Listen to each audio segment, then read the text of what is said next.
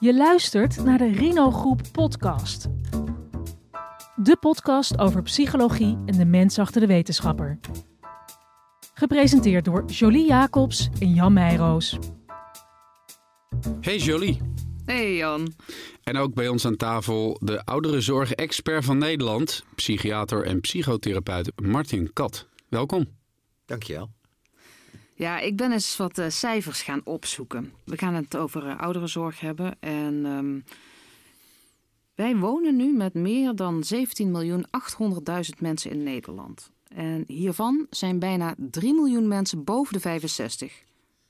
Oftewel, 1 op de 5 mensen behoort tot die doelgroep. En ondanks dat, Jan, hebben wij nog geen enkele aflevering in het teken gezet van de ouderenzorg. En toen dacht ik, dat is best gek eigenlijk. Heel gek. Ja, of niet. Of behoort het nou gewoon tot de tendens? Dat ouderen gewoon minder zichtbaar zijn? Wat denkt u, meneer Kat? Ja, uh, ik denk dat het wel een soort trend is geweest dat ouderen relatief weinig aan bod kwamen als het gaat om de uh, GGZ-zorg, maar in zijn algemeenheid. En dat ze dan wel vooral in beeld kwamen als er nood was. Hè? Dus als er voor bijvoorbeeld veel lichamelijke problemen kwamen of dat mensen gingen lijden aan een vorm van dementie. Dus in die zin uh, denk ik dat we relatief weinig aandacht gehad hebben voor de ouderen. Maar dat was een, in mijn tijd, dan heb ik het over de jaren tachtig dat ik in opleiding ging, van de vorige eeuw, was dat imago nog slechter eigenlijk rond ouderen. Hoe, hoe, was het imago dan? Men had toch een vrij negatieve kijk op het ouder worden in zijn algemeenheid. Oh, ja. en, en dat men dacht, ja, wat kan je nou nog met ouderen? Ze worden toch dement. Hè? Dat was dan zo'n kreet. Uh, of ze gingen gauw dood. En wat zou je daar nog, wat, waarom zou je daar nog aandacht aan besteden? Dat, dat, is een beetje Marianne Zwagerman doorhout uh, vibe. Kijk ja, ja, zoiets, ja, ja, ja, ja. Maar is dat dan alleen in Nederland zo? Of is dat alleen in het Westen zo? In de wereld hoor, in de westerse wereld zeker. En er zijn natuurlijk culturen waarin de ouderen wel gerespecteerd worden. In, en uh, vanwege hun wijsheden. En, en, en uh, ook vitaliteit nog, die dan aanwezig blijft. Hè? Ja. Nou was ik een paar weken geleden op uh, North Sea Jazz. En toen zag ik Tom Jones, oh, ja. zijn 83ste. Mogen behoorlijk stevig zingen. Seksbom, dat was ja. dan een beetje, een beetje awkward. Maar voor de rest deed hij het hartstikke goed. Uh, u zegt wel van uh, het is, de, de tendens is wel iets weer positiever geworden. Ja, als, ons, als het gaat om onze kijk op het ouder worden en wat je allemaal nog wel kan, daar is veel meer aandacht voor. Vooral die positieve kanten die er ook aan ouder worden kunnen zitten. Ja. Dat is bijvoorbeeld dat jij bijvoorbeeld eigenlijk niet zoveel meer moet als je ouder wordt. Dat is nou, dat moet voor heel veel jongeren moet het toch een verrukking zijn. Omdat al, maar dan zeggen ouderen vaak tegen mij, dan moet je dan eerst 70 of 75 voor worden. Wil je eindelijk eens een keer niet zoveel moeten meer? He, wil je tevreden zijn met wat je hebt bijvoorbeeld? Dat soort dingen.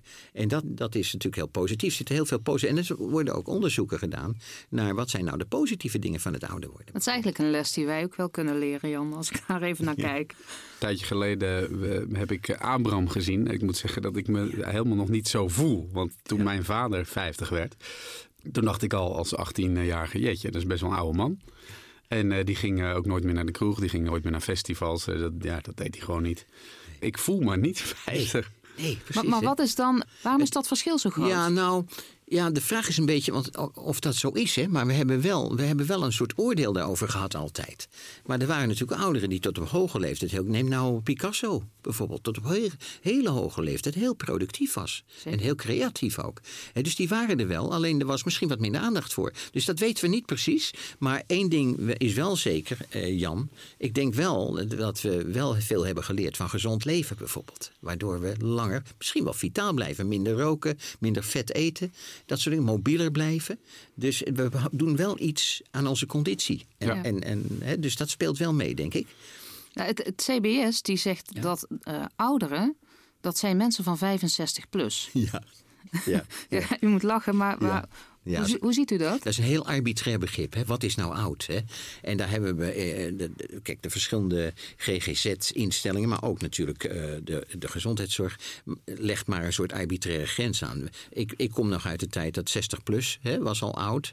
Eh, maar waarom? Maar, maar je hebt mensen, bijvoorbeeld de geriaters, die zeggen vaak: een patiënt wordt voor mij een oudere wanneer die multiple problemen krijgt. Hè, dan wordt het, eh, want, dan kunnen de, de medisch specialisten in het ziekenhuis eigenlijk niet meer alleen denken aan eh, de darmprobleem of, of het hartprobleem of de suikerziekte. Hè, maar dan komen er meerdere problemen bij. En dat maakt, dat maakt voor hun dan iemand een oudere. Dat is maar net welke definitie je hanteert. Maar ik ken mensen van 50 jaar, die zijn al helemaal uitgeblust psychisch. En je kent ze van 100, die zijn nog zo dramatisch vitaal. Ook psychisch, hè, bedoel ik. Ja. Ehm, dus dat, dat, dat is enorm. Dat is zo'n differentiaat. Dat maakt die groep ook zo leuk, vind ik, om mee om te gaan. Zo'n grens is arbitrair. Om dan even een duidelijk beeld te scheppen. Hè? Want hoe ziet dan normale psychische veroudering eruit? Ja, daar weten we inmiddels meer van. Een paar dingen, eh, die heb ik ook wel in mijn boekje beschreven. Dat zijn resultaten van onderzoek in feite. In de algemene bevolking heeft men duizenden uh, vragenlijsten verstuurd naar ouderen. En die hebben een antwoord gegeven. En dan was er, een van de vragen was... in hoeverre bent u nou bijvoorbeeld psychisch of qua gedrag veranderd... ten opzichte van 30, 40 jaar geleden? En die ouderen die dan rapporteren, het meest wat ze rapporteren... nou, ik, heb, ik krijg wat minder... Uh, ik, ga, ik word wat introverter, wat meer naar binnen gericht dus ik heb niet altijd die ander nodig. Wil ik mezelf prettig kunnen voelen? Dat, als ze zich vergelijken met die 30, 40 jaar geleden. Nou, de initiatieven nemen wat af. Maar ook bijvoorbeeld het energetisch niveau. Hè. Je wordt wat minder actief dan vroeger. Maar het fijne daarvan is dat je ook daaraan adapteert. De gezonde ouderen adapteert aan die nieuwe vormen. En dat voor je het weet gaan wij dat weer als pathologisch benoemen. Als ziekelijk. Want hij was niet meer zoals vroeger. Maar je kan ook zeggen dat is gezonde adaptatie. Aan je mogelijkheden die je dan hebt, je aanpassen. Een ander iets is, we raken wat, de tranen zitten wat dichter aan de oppervlakte. Is ook wel bekeken. Dat kan ook bij het gewone ouder worden passen. Voor je het weet denken we, nou, iemand heeft een TIA gehad of een CVA, een beroerte. Maar dat kan ook bij het gewone, uh, ik, het overkomt mijzelf ook wel af en toe. Dat ik naar een film kijk. Wordt wat emo emotioneler. Ja, dat je wat emotioneel. En dan zeggen kinderen vaak, oh papa wordt steeds emotioneel. Wat leuk eigenlijk. Zo kende ik hem eigenlijk helemaal niet. maar dat kan ook geworden bij het gewone ouder worden. Voor je het weet beduiden wij dat weer als depressie of iets. Hè? Je kunt het ook milder noemen. Ja, milder of, of toegankelijker, hè, mhm. hoe je het ook noemen Een ander idee is nog, we, we raken wat meer op ons hoede.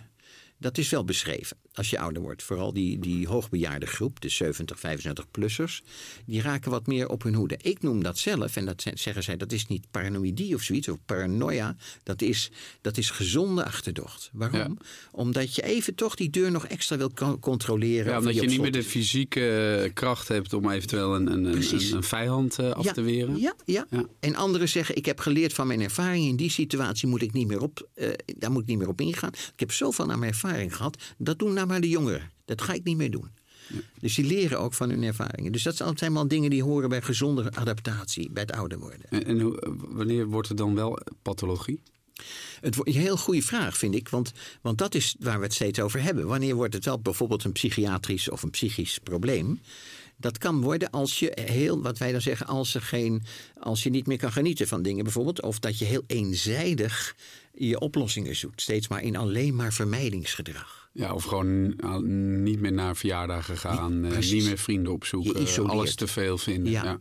Terwijl je wel kan genieten nog van mensen, maar één op één. Dat kan dan nog. Maar als je daar ook je van terugtrekt, dan wordt het isolement en dan dreigt het bijvoorbeeld een depressie. We weten wel dat wanneer de prikkels te overweldigend zijn, dat ouderen die minder snel kunnen verwerken. En wat je dan krijgt, is dat je de draad gaat verliezen van het verhaal bijvoorbeeld. Maar in één op één relaties kan het fantastisch goed blijven gaan. Ja. Maar hoe kan dat? Ja, dat, dat heeft te maken, denk ik, met onze trage informatieverwerking. We worden wel, als we ouder worden, wat trager in, in, in de verwerking van nieuwe dingen. Bijvoorbeeld in het verkeer, als het te complex wordt. Dan moet je wel een beetje oppassen. Ja? Eh, of dan, ik zeg altijd, ik raad mensen altijd aan... als zij een extra vertragende werking hebben... bijvoorbeeld in het kader van doorbloedingsproblemen in het hoofd... eerst dit, dan dat. En maak het af ook het eerst en ga dan aan het volgende. Het fijne van dat eerst afmaken betekent ook vaak voor je zelfgevoel beter. Dan heb ik het toch opgelost en dan naar het volgende. Maar dat moeten we de ouderen niet kwalijk nemen, denk ik. Want je hebt van die jonge, jongere generatie, die moeten maar door, hè? Die moeten voor hun veertigste al binnen zijn, bij wijze van spreken. En die, drijven, die staan maar aan op produceren en doorgaan. En dan kunnen ze in conflict komen met die ouderen die, die, ja, die zich juist adapteert aan dat, aan dat wat trager worden. En dat, dat, is dat heeft met de hersenfuncties te maken ook. Hè? Dat is één soort uh, probleem. Wat, wat voor, met wat voor soort andere problemen komen ouderen naar u toe? Nou, bijvoorbeeld die vereenzaming. Dat kan, hè? Vereenzaming. Dus stel je bent altijd mantelzorger geweest de laatste vier, vijf jaar van jouw partner. Ik ken, ik ken een mevrouw die dan zegt, bijvoorbeeld, het was laatst in zo'n Alzheimer-café. Die zei van, ik heb mijn, mijn man nu vier, vijf jaar verzorgd. En ik moest en zou het allemaal zelf kunnen. Ze kon het heel moeilijk loslaten. Heel moeilijk verdragen om die zorg te delen met anderen. En wat er dan gebeurd is, Uiteindelijk wordt die man opgenomen in het verpleeghuis. En die vrouw gaat dan, gaat het kwartje vallen bij haar. En die beseft eigenlijk, jeetje, wat heb ik mezelf eigenlijk verwaarloosd. Want al mijn vriendinnen zijn op afstand gekomen. Ik was Ja. zo bezig met die zorg. Je moet echt goed voor jezelf blijven zorgen, ook bij het ouder worden. En wat voor leeftijd komen mensen gemiddeld eh, naar je toe met eh allerhande Dat problemen? va- varieert. Hè. Je hebt mensen die op 50-jarige leeftijd al een vorm van dementie ontwikkelen, bijvoorbeeld. Maar je hebt ook mensen die pas in beeld komen als hun partner met wie ze 50 jaar samen waren. Ik, laat even stilte vallen. Waarom? Ja. Om je- want die zien we nog, hè, die relaties bij ouderen. Maar als je 50 jaar en dan een van de twee gaat wegvallen, dan vind ik het niet raar als een van de twee eens in beeld komt. Van ik mis, ik mis er eigenlijk ontzettend. Eh, En dus aandacht besteden aan rouw en is dan, kan heel belangrijk zijn. Hoe wordt het eigenlijk voor die, voor die hulpverlener duidelijk dat het om ouderdomsproblematiek gaat? Wat je natuurlijk het liefste wil, ik heb, ik heb mijn praktijk altijd gehad in een huisartsenpraktijk. Dan keken we altijd al heel vroeg aan de voordeur welke ouderen, wie doet nou wat? Doet, doet de huisarts het? Of doet de praktijkondersteuner van de huisarts het, die de begeleiding biedt? Of kijk ik vanaf het begin al mee? En zo maakten we, dat noemden wij dan triage aan de voordeur. Al bij de, bij de eerste contacten met ouderen keken we al, wat is er nou precies nodig? En ik kwam dan als, vanuit mijn vak, vanuit de psychiatrie, de psychische ontregeling, maar ook bijvoorbeeld hele vroege stadia van dementie, kwam ik daarbij. Dus het kan best zijn dat we bijvoorbeeld in de vroegste stadia van dementie nog helemaal niet weten dat iemand aan dementie gaat lijden. Bijvoorbeeld, wat we altijd maar in verband brengen met geheugenproblemen. Maar wat we nu meer en meer gaan weten is dat er ook vroege stadia van dementie kunnen beginnen met gedragsverandering. De vroegste stadia. Dus dan wordt het lastig als je geen meetinstrumenten hebt die daarvoor geschikt zijn om dat te detecteren als het ware.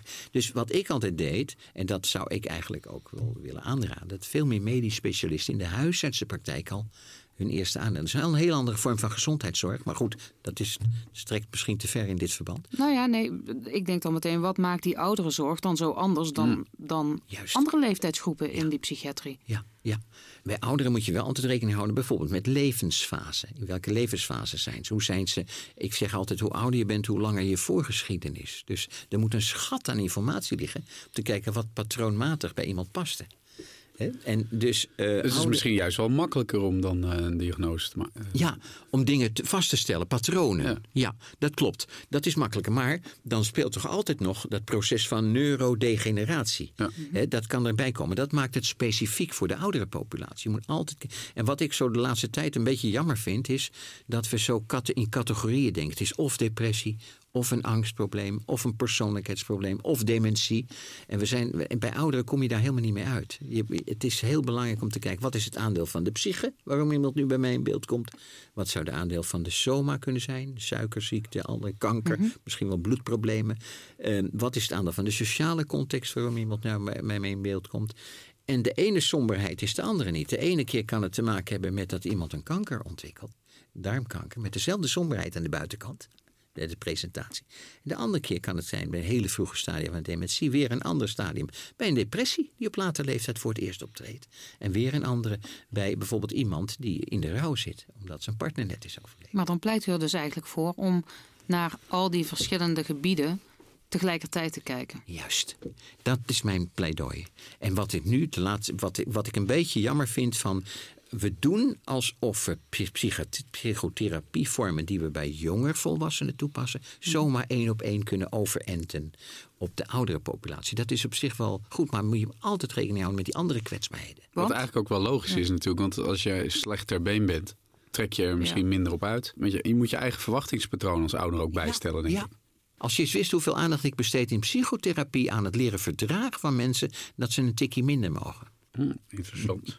Nou, we, we- hebben het net al een paar keer aangestipt. Eh, het, ja, het is een beetje een, een, Ja? een, een, harde, harde term, maar het afbraakproces van het brein. Eh, even voor de leek, wat gebeurt er nou precies in de hersenen van ouderen? Ja. Als we het hebben over afbraakprocessen. Ja, nou, wat we daarvan weten is dat cellen kunnen doodgaan. Zoals allerlei cellen in, het, in ons buiten de hersenen kunnen doodgaan. Kunnen ook cellen in ons brein kunnen, kunnen doodgaan. En hangt een beetje af van waar begint dat proces nou? Dat proces kan beginnen bijvoorbeeld in de hersenen, in al die windingen die we hier bovenin hebben. Dat noemen wij dan de cortex, de schors van de hersenen. Al die, die twee dat maakt ons zo specifiek als mens dat we al die windingen zo hebben, die ballonen eigenlijk. Eh, daar kan het beginnen, maar het proces kan ook beginnen onder die schors. De subcortex noemen we dat. Hè, onder de schors letterlijk. Waar moet En ik aan denken dan? Bijvoorbeeld de ziekte van Parkinson. Oké. Hè, waarbij bij bepaalde cellen in het do- die dopamine maken als vroeg stuk gaan. Dus doodgaan. En dat betekent dat je Parkinson krijgt terwijl je nog relatief jong bent. Terwijl wij misschien allemaal Parkinson zouden krijgen als we 110 zouden worden. Maar deze mensen krijgen het dan om. Nou, dat is een specifiek soort aandoening. Maar dat kan ook bij de ziekte van Alzheimer. Er kan ook in bepaalde gebieden in die cortex kunnen dingen doorgaan, eh, doodgaan, cellen. Waardoor je bijvoorbeeld niet meer goed inprent. Of niet meer goed de taal hanteert. Niet meer goed alle dingen die we aangeleerd hebben kunnen verloren gaan. Het hanteren van de taal, maar ook het hanteren van je gedrag. Maar je, zegt eigenlijk, iedere, bij iedere ouder treedt een vorm van Ja, afbraakproces daar mag je van uitgaan. Maar dan in meer of mindere mate. Klopt. Ja. En op welke leeftijd? Ja. Ja. En waarom gebeurt dat bij de ene persoon dan, dan sneller? Of is de Ja, ene persoon daar vatbaar? Is dat iets genetisch? Nou, dat zou genetisch kunnen zijn. Als we het niet weten, noemen we het al heel gauw genetisch. Hè? Maar, maar dat- daar zit ja. ook wel een, daar zit ook een, waar, een kern van waarheid in, denk ik ook wel, hè, voor een deel. Maar je kan ook denken aan leefstijlgewoonten. Dus leefgewoonten, als je heel eenzijdig... Dat weten we bijvoorbeeld van mensen met... vooral met mensen met vasculaire problemen... dus vaatdoorbloedingsproblemen... Mhm. die als die hun leven lang hoge bloeddruk hebben gehad... of hun leven lang cholesterol wat te hoog is... krijg je allemaal klontering. En dat kan maken dat die vaten heel slecht zijn in het hoofd. En dus gaan dichtslibben. En dan kan je je voorstellen, dat is een andere oorzaak... van celdood in het brein... dan wanneer, als ze niet meer gevoed worden door zuurstof... Ja. dan wanneer je gewoon een, een cel doodgaat door een genetisch iets. Veel mensen koppelen het ouder wordende brein. En, en dus Ja. langzaam misschien wat vertraging en wat afbraakprocessen. Ook direct aan dementie. Is, is dat terecht? Dat kan, ja, de dementie hè, is een, een, een, een een containerbegrip, laat ik het Ja, maar zo zeggen. ja. Waar wij altijd in. Kijk, je kan dat afbraakproces hebben in het kader van gewone veroudering. Ja. Maar je kan het ook al hebben in het kader van een ziekte. Bijvoorbeeld de ziekte van Alzheimer. Ja. Dementie is niets anders dan een soort containerbegrip. En wij kijken altijd het liefst binnen welke oorzaak. Wat is nou de veroorzaker van dit, dit dementiebeeld? En dan zeg je dat kan de ziekte van Alzheimer zijn. Of vasculaire dementie, de ziekte van Parkinson. En waarom maakt dat uit? Dat maakt uit omdat dat consequenties heeft voor onze begeleiding. Mhm. We weten nog niet hoe we, hè, dat, dat is heel actueel, we weten nog niet hoe we de ziekte moeten oplossen met een pil. Ja. Hè, dat is veel, eh, daar is veel discussie over. Zijn die pillen die er nu zijn eigenlijk wel gunstig genoeg? Pak je daarmee het proces of de kern van het proces aan? Maar ehm, wat we wel weten is, en dat vind ik zo leuk vanuit mijn werk, dat je, ehm, dat je, want ik doe veel consult ook in verpleeghuizen, ehm, dat je de ene vorm van dementie toch anders moet begeleiden dan de andere. Ik, ken, ik, ik was hier consulentjaren in een huis hier in de buurt. En ehm, daar hadden ze een afdeling waar liedjes van vroeger keihard aan stonden. Dus had Ja. je hier in Amsterdam, had je dan Tante Leen en Johnny Jordaan stonden keihard aan. Want dat hadden ze dan geleerd, de verzorgende. Dat was goed, hè? Herkenbaar, herkenbaar. Ja, levensgerichte zorg. Of belevingsgerichte zorg heette Ja. dat. Dan sloeg je, sluit je aan op het verleden. Maar je zal daar maar zitten met je vorm van dementie... die die prikkels helemaal niet aan kan. Die mensen werden hoerendol. Die werden echt heel ontregeld raakten. Die delirant zelfs. En toen vroeg ik, kan je nou geen twee huiskamers maken? Bijvoorbeeld één waarin er veel rust is. Prikkel, relatief prikkelarm. Ja. En de andere waar het heel prikkelrijk is. Dus juist Tante Leen hardop stond en Johnny Jordaan. Maar Nou, kun je dat dan je koppelen? Want ik denk Ja? dan meteen, kun je dat dan het een koppelen aan ehm, eh, Alzheimer en de ander aan eh, Ja. Parkinson? Is dat zo? Nou, nou je hebt, kijk, laat ik het zo zeggen. Ik maak onderscheid zelf tussen Ja. corticale dementieziekten en subcorticale dementieziekten. Waarom Ja. is dat belangrijk? Niet zozeer voor, de, eh, voor eh, de wetenschap, maar meer voor het, wat kan ik nou bieden als hulpverlener aan een oudere. Ja. Aan de mantelzorger, maar ook aan de verzorgende die met zo, zo iemand omgaan. Waarom is het belangrijk? De een doet het juist goed op prikkels en de ander juist niet. Die raakt overprikkeld bij de meeste prikkels. Kan het ook nog verschillen binnen die groep? Dus eh, stel, iemand heeft Alzheimer. Ja. De een kan het wel goed verdragen, die prikkels. Ja? En de ander absoluut niet. Ja, Oké. dat kan. En, en uh, we hadden... Je zit te denken, sorry mag ik even, want Ja. je- ik zie je zo denken. Ja, ik zit te denken omdat ik, eh, omdat ik dan denk, ehm, heeft het dan wel met die Alzheimer te maken? Of Oh. ben jij altijd als persoon iemand geweest die... Oké, niet zoveel prikkels aankomt. Nee, precies. Of Ja, prima dat kan gedijt. natuurlijk kan. ook, weet je. Want Ja. eh, ja, het ene is, de ene is het ander niet. dat is heel belangrijk wat jij nu zegt. We moeten natuurlijk altijd rekening houden met hoe was iemand in het verleden. Ja. Voordat hij die ziekte kreeg. Dus dat is zo fijn ook van die ouderenzorg, zou ik maar zeggen. Dat je daar altijd toch ook dus patronen in kan herkennen. Maar nou is het niet zo dat je één op één kan zeggen... als iemand de ziekte van Alzheimer krijgt... dat degene die altijd gewend was die prikkels te krijgen... dan ineens die prikkels ook zou moeten blijven krijgen. Ja. Want het kan zijn dat hij juist dan juist overprikkeld raakt. Of omgekeerd, iemand die van nature heel stil en mild... en wat meer teruggetrokken was... kan heel agressief en heel ontremd raken tijdens zijn dementiebeeld. Dus ook bij prikkeling kan hij dan agressief worden bijvoorbeeld. En omgekeerd ook, je ziet ook mensen helemaal opfleuren wanneer je ze van nature eh, zeg maar bij hun dementie vormen, als je ze niet te veel prikkelt. Maar lekker af en toe een dutje laat doen, niet op bed. Ze laten terugtrekken, geen pyjama-dag, bij wijze van spreken. Maar gewoon op de bank. Maar gewoon een dutje doen aan tafel. Ja. Dat kan, opdat iemand daarna weer even fris is. En, en hoe belangrijk is de rol van differentiaaldiagnostiek binnen de ouderenzorg? Ja, kijk, ouderen kunnen bijvoorbeeld. Ik neem twee voorbeelden. Je hebt het, het spectrum van somberheid. Waar ik erg in geïnteresseerd ben, is: is dit nou somberheid in het kader van een baaldag? Dat is toch iets anders dan wanneer je somberheid in het- eh, hebt in het kader van rouw. Rouw, dat blijft een tijd voortbestaan. En dat is heel, daar moet je anders mee omgaan. Dan ga je in therapeutisch gezien, als iemand in beeld komt en hij blijft maar rouwen. Dat is toch, dat is eigenlijk iets wat bij de gewone, het gewone mens zijn hoort. Een gewoon rouwproces. Maar ik kijk dan altijd, is het somberheid in het kader van stemmingsdaling? Dat is iets anders. Dan maak je een stemmingstoornis van. Dat betekent dat het niet alleen maar die somberheid is, maar dat er bijvoorbeeld allerlei bijkomende problemen komen. Iemand krijgt dag-nachtritmeproblemen. Zijn biologische ritmes raken Ja. verstoord. Iemand krijgt eetgedragverandering. Zijn libido kan minder worden. Hij kan zich schuldig gaan voelen over van alles. Ik, ik zeg altijd, iemand met een forse depressie, die wordt depressief eh, die, qua stemming, hè, maar hij komt niet meer in zijn gewone stemmingen terug. En hij komt los te staan, hè, die stemmingsdaling, van de aanleiding. Gaat een heel eigen leven leiden.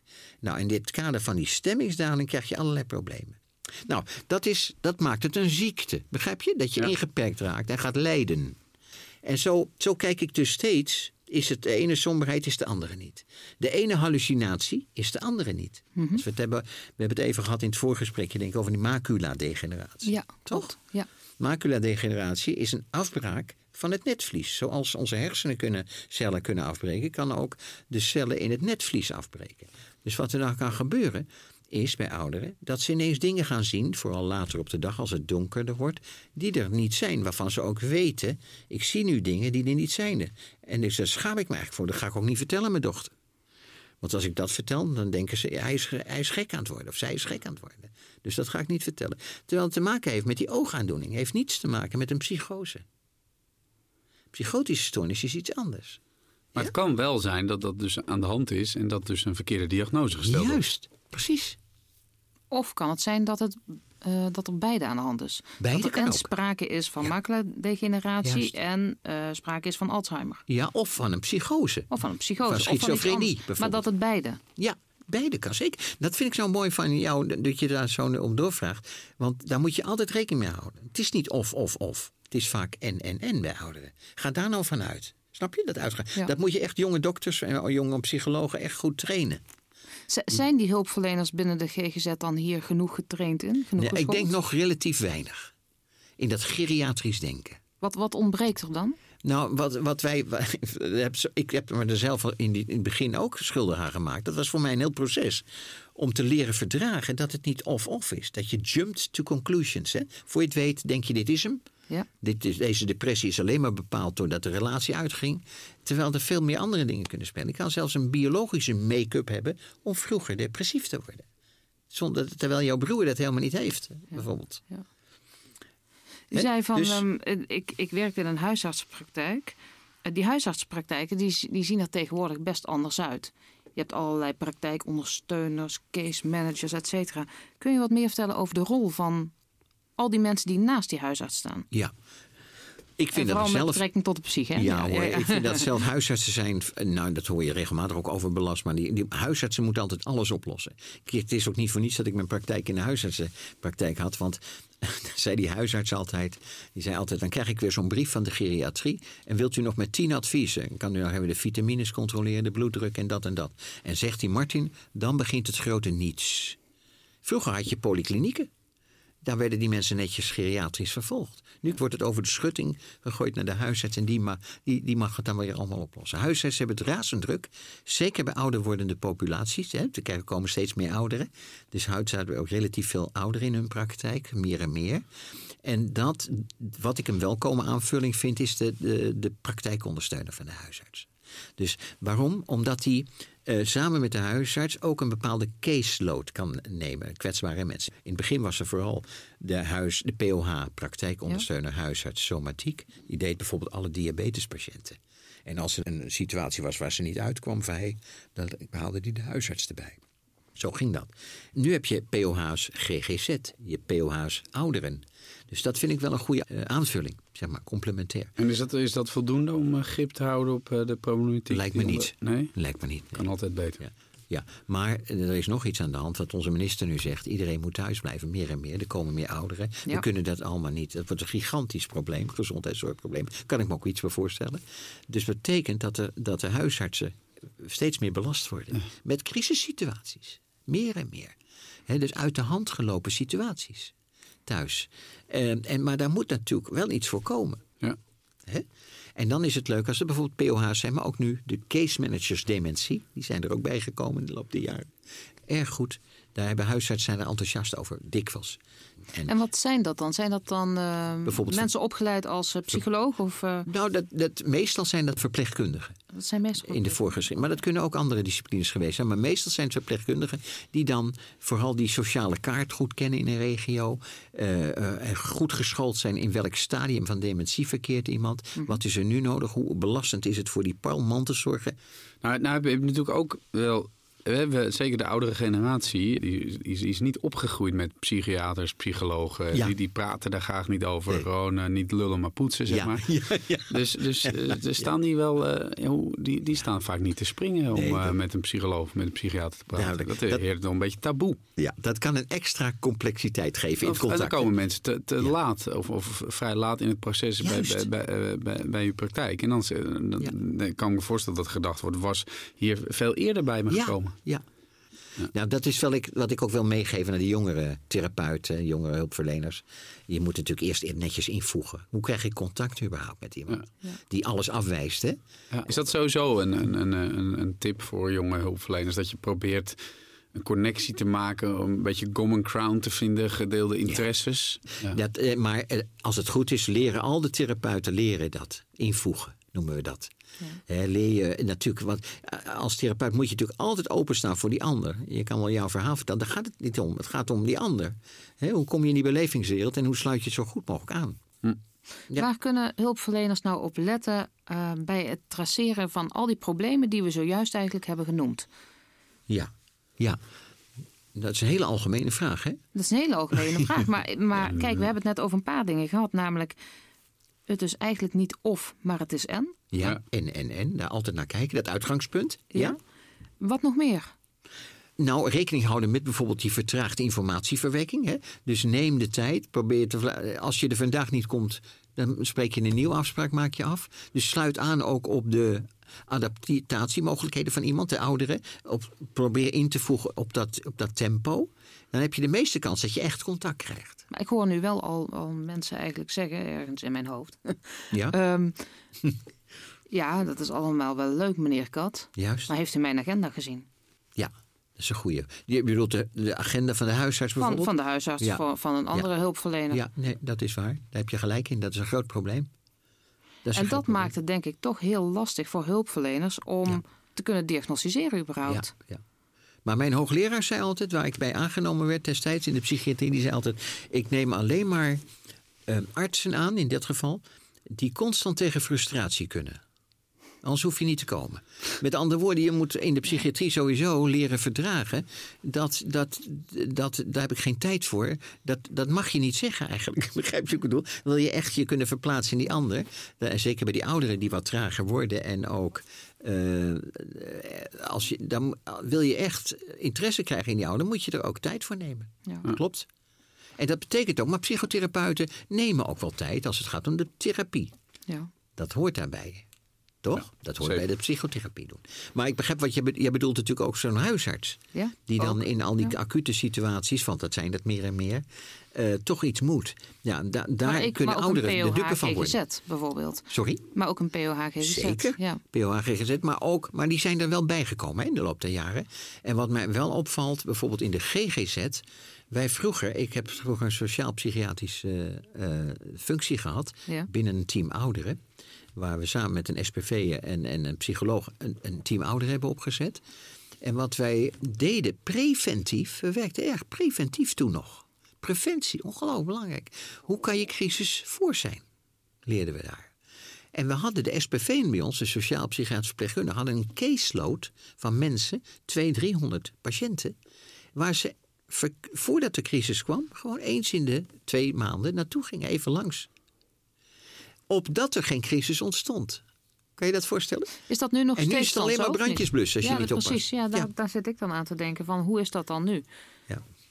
Nou ja, ik denk dat het vaak brandjesblussen is. Ja. ja. Ja. Van crisis naar crisis hobbelen we. Groot probleem in Nederland. Laten we eventjes overgaan op een onderwerp wat we net al meerdere keren hebben aangestipt, namelijk dementie. Hoe bepaal je eigenlijk of er sprake van is? Welke methodieken gebruik je? Oh ja, wat zijn de onderzoeks... Uh, ja. Nou, in zijn algemeenheid kan je zeggen geheugenpolyklinieken zijn er, als het goed is, meer en meer ontwikkeld in de regio, waar je patiënten kan laten screenen. Mhm. Nou, wat er dan meestal gebeurt, is natuurlijk uitsluiten van lichamelijke oorzaken, waarom iemand bijvoorbeeld vergeetachtig wordt. Ja. Uh, hoort het bij het gewone ouder worden? Dat kan je netjes daar laten onderzoeken. Maar het kan ook zijn dat iemand bijvoorbeeld uh, een uitgebreid neuropsychologisch onderzoek krijgt, waarbij allerlei hersenfuncties worden getest. En dat je daarnaast nog een MRI-scan maakt, een scan, ja. die heel goed de, de, de anatomie in kaart brengt. En, en, dan kijken we vaak van zijn de functies, het profiel wat je bij neuropsychologisch onderzoek vindt, past dat bijvoorbeeld bij de afwijkingen die je vindt op de scans? Is dat niet altijd zo? Het geval dat, als je... dat zou mooi zijn. Oh. Nee, dat, dat, nee, dat, je altijd zo'n MRI-scan doet, toch? Voordat je dementie constateert. nou, in Nederland is dat lang niet het geval. Ik, kan je een voorbeeld geven. Ik, ik werk nu tien jaar bij het CCE, het Centrum voor Consultatie en Expertise. Dat kennen jullie misschien niet, maar dat is het centrum wat naar de bedreigde gebieden gaat, zal ik maar zeggen. Het centrum waarbij wij naar ernstige situaties, verpleeghuizen, verstandelijk gehandicapte huizen, zou ik maar zeggen, gaan. Mhm. Waar de, de teams enorm aanlopen tegen agressie, noem maar op. En daar kijken ze samen, kijken wij samen met hun wat er eventueel nog aan alternatieve mogelijkheden zijn. En daar heb ik gekeken in mijn statussen, in de, de, de casuïstiek die ik heb bekeken, zo'n 50 statussen bekeken, van mensen met dementie. En dan gekeken naar wat in het voortraject aan onderzoek is gedaan bij hun. Wat denk je hoeveel procent die mensen niet in kaart gebracht zijn netjes? Nou, ik vrees een heel, heel hoog aan, uh, percentage. 95 procent. Ja, dat kan, ja. Met andere woorden, die mensen, dat, stel je voor dat we dat met kanker zouden doen. Ja, het is niet voor te stellen natuurlijk. Niet voor te stellen. Nee. Juist. Weet je, we begonnen al daarmee dat ja. 1 op de 5 tot de ouderen hoort. En een groot deel daarvan ontwikkelt bijvoorbeeld dementie. Ja. 1 op de 5 ouderen. Dus, dus ja. je zou zeggen, waarom, uh, waarom wordt daar niet meer aandacht voor. Meer aandacht aan besteed, meer onderzoek naar ja, gedaan. Precies. Wordt er wel hoor. Je hebt natuurlijk de Alzheimer-centra in Nederland die mhm. dat doen.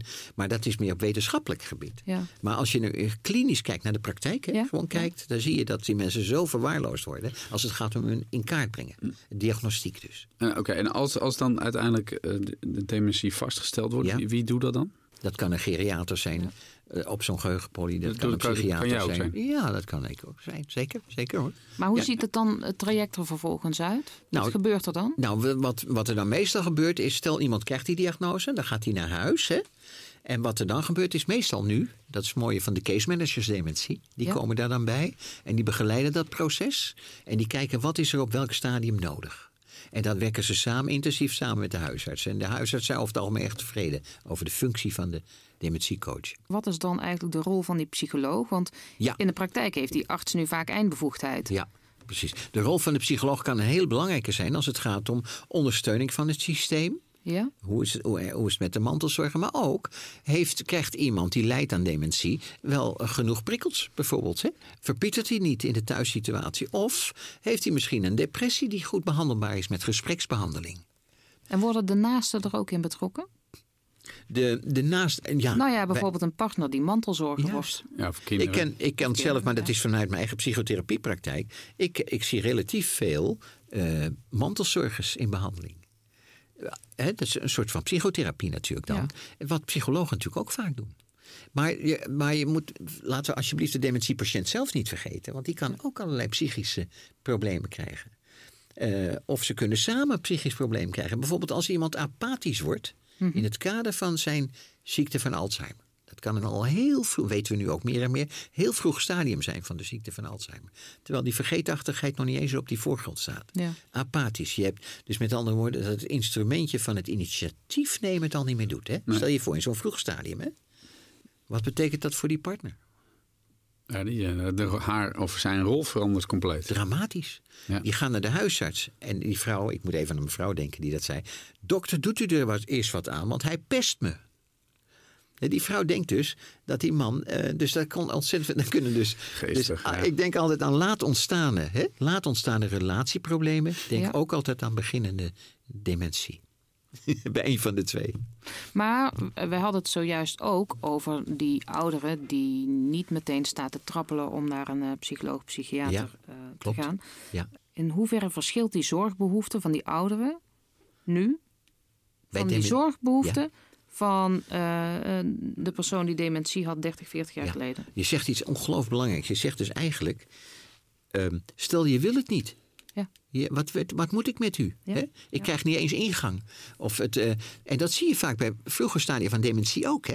Dat mensen zeggen, ja, façade, dat noemen wij dan een façadegedrag ontwikkelen. Mhm. Namelijk, ja, er is niks in de hand. Ach, ieder, we vergeten allemaal wel eens wat, weet je? Wat je dus dan heb je Ontkenning. nauwelijks ingang Ja. Ja. hè, voor zo iemand. Maar wat je dan wel kan doen, ook als psycholoog, ook als POH, ook als huisarts, ook als dementiecoach, dan kan je wel eh, natuurlijk voor die partner een belangrijke rol spelen. Van, nou, dat doet hij er niet om u te pesten. Nee, dat instrumentje van het initiatief nemen doet het dan niet. Oh, wat goed dat u dat zegt. Ik ken wel met, want Maar het kan ook zijn- nou weet ik hoe ik met hem om moet gaan. Het is ook vaak trots, toch? Of een beetje Ja. koppigheid ook. Ook. Je bedoelt bij die façade? Ja. ja. Ontkenning. We denken ook wel dat het met een bepaald soort gebied in de hersenen te maken heeft hoor. Vooral als je dat op beide kanten krijgt. Dan krijg je façadegedrag niet alleen doordat je het wil afweren. Maar ook omdat dat er wel bij kan horen. Omdat je niet meer genoeg inprent. En denkt, ja, voor mij is alles. Ik weet van niks. V- voor jouw gevoel is er niets veranderd. Precies. Ja. Maar je, ik bedoel, je bedoelt ook de trots, hè? Van Ja. dat, je, eh, dat is ook een bekende reactie. Dat iemand zo trots is dat hij het niet kan verdragen. Ja, en ik, denk, ik, ik weet niet hoor, misschien is dat ook een beetje een aanname. Maar ik merk ook vaak dat, dat, dat eh, ouderen in, in mijn directe omgeving, die, die, eh, die, die doen al jaren bepaalde dingen. Dus dat zal dan wel goed zijn. Dat dus dan zijn ze heel koppig. Dus daar willen ze ook niet vaak dan van afwijken. Ja. En eh, dus dan, dan leg je uit dat het ook anders kan, slimmer kan. En dan, eh, dan ja, ze accepteren het bijna een beetje onder protest. Ja, ja, precies. Hè? Onder protest. Hè? En dat, dat is wel goed om dat vast te stellen. Dat je zegt, hé, hey, die man zit zo en zo in elkaar. Die heeft zijn principes. Probeer dan toch een weg te winnen. Ik noem dat altijd de Columbo-houding. Ken je de oude Columbo ja. nog? Ja, Pieter, de- de- Pieter de- de- Valk, ja, ja, de die- detective. TV, Sorry. ja. Die kwam altijd laag binnen, hè? Ja. Wilde die, want dat was een te- detective van moordzaken. En die moest dan de, de vermoedelijke En als hij moordenaar de deur uitliep, dan stelde hij nog even zo'n gemeen vraagje. Ja, en waarom deed hij dat? Ja, om die, eh, om die, om die verdachte Maar, natuurlijk. maar waarom Ja, bij de deur? Waarom bij de deur? Dat was namelijk de kern waar het om ging. Omdat hij dan dacht, nu ga ik weg. Dacht Ja. die moordenaar, vermoedelijke Dan kan moordenaar. ik mijn, En nu- dan kan ik mijn schild laten zakken. Nu kan ik mijn schild uitzakken. En dan greep hij, dan Ja. tastte hij toe. Dat pakt hij. En dat, zo, dat doe ik ook nog wel eens bij ouderen in die zin. Dat hebben we geleerd in de acute psychiatrie. Die Columbo-houding. Waarom? Dan kwam je laag binnen. De-escalerend binnenkomen. Kan zeggen, ja, ik weet het ook niet precies. Ze hebben me na- verwezen naar u. Maar ze zeggen dat u vergeetachtig bent. Ik weet het niet. Ik- Kunt u me daar eens wat meer over vertellen? Dat kan al een begin zijn van contact leggen. Ja. Laag binnenkomen, de-escaleren. hè? En zijn er nog andere manieren waarop je kunt anticiperen als je zoiets treft? Ja, dat is bijvoorbeeld vooral eh, rekening houden met die, wat jij net zei zo mooi, die principes van iemand. Als iemand bepaalde principes hebt, ga daar niet tegenin. Probeer eerder in te voegen. Goh, wat maakt nou dat u dat steeds zo doet? En wat, eh, wat heeft het u opgeleverd? ja, ja, ja. Hè, wat heeft u opgeleverd? Je hebt ook mensen die niet dementie hebben, maar die toch altijd die principes hadden. Ja. En dat ook houden. En misschien nog wel wat rigider worden daarin als ze ouder worden. Hè? Wat, wat Nog starrer, nog, sterker. meer vasthouden. Precies, hè? ja. En dan moet je ontzettend rekening mee houden. Dat bedoelde ik net ook met heel respect ook voor iemands afweer. Dat hij het Ja, altijd zo gedaan heeft. Dat kan namelijk ook een betekenis hebben. Namelijk, dat is mijn overleefstand. Ja. Eh, Weet je wat zo mooi is van die relaties als je 40, 50 jaar bij elkaar bent? Ze gaan ook, eh, ze weten niet beter van de ander. Dat moet, je, dat moet je, dat moet je niet meer bespreken. Dat is nou eenmaal zo. Daar moet ik me bij neerleggen. Hè? Terwijl wanneer Ja. je net een relatie hebt of aangaat, dan moet je echt, wil je alles nog zoveel veranderen. Weet je nog? Ja. Ik vroeg me af, kijk, we begonnen al eh, deze aflevering met 1 op de 5, 1 op de 5 inwoners behoort tot die ouderen. Ja. Dat wordt alleen maar meer de komende jaren.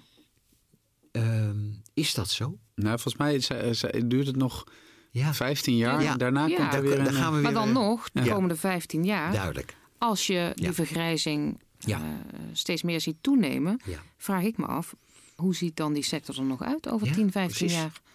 Ja, en we houden al de mensen ook in leven, meer en meer. Hè? Ja. Met die, al die pillen die we geven, dat betekent ook Ja. dat we ze in leven houden. Hè? Dat, dan moeten, we- dat, zo gaat het. Hè? Vroeger gingen die mensen misschien wel veel eerder overlijden. Oh, hè? Dus, eh, maar goed, stel dat dat, dat dat kan je verwachten inderdaad. En dat betekent dus, je bedoelt maatschappelijk gezien, hè? Ja. Betekent dus een enorme extra investering. Iets anders is wel, ik vind wel, dat vind ik zo mooi van mijn ouder worden, zou ik maar zeggen, dat je steeds weer andere cohorten ouderen krijgt. De ouderen van nu zijn veel mondiger in, eh, dan de ouderen die veel, veel servieler waren, zou ik maar zeggen, in Ja. de voorgeschiedenis. Dus dan lieten ze vaak aan de ander over. Dan zegt u maar, wat, want u bent de dokter, Ja. enzovoort. Hè?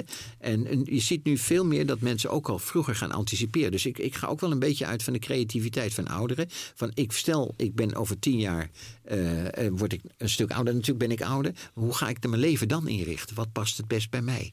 Maar je hebt natuurlijk ook ouderen die daar helemaal niet aan toekomen. Vanwege de lagere sociale klasse.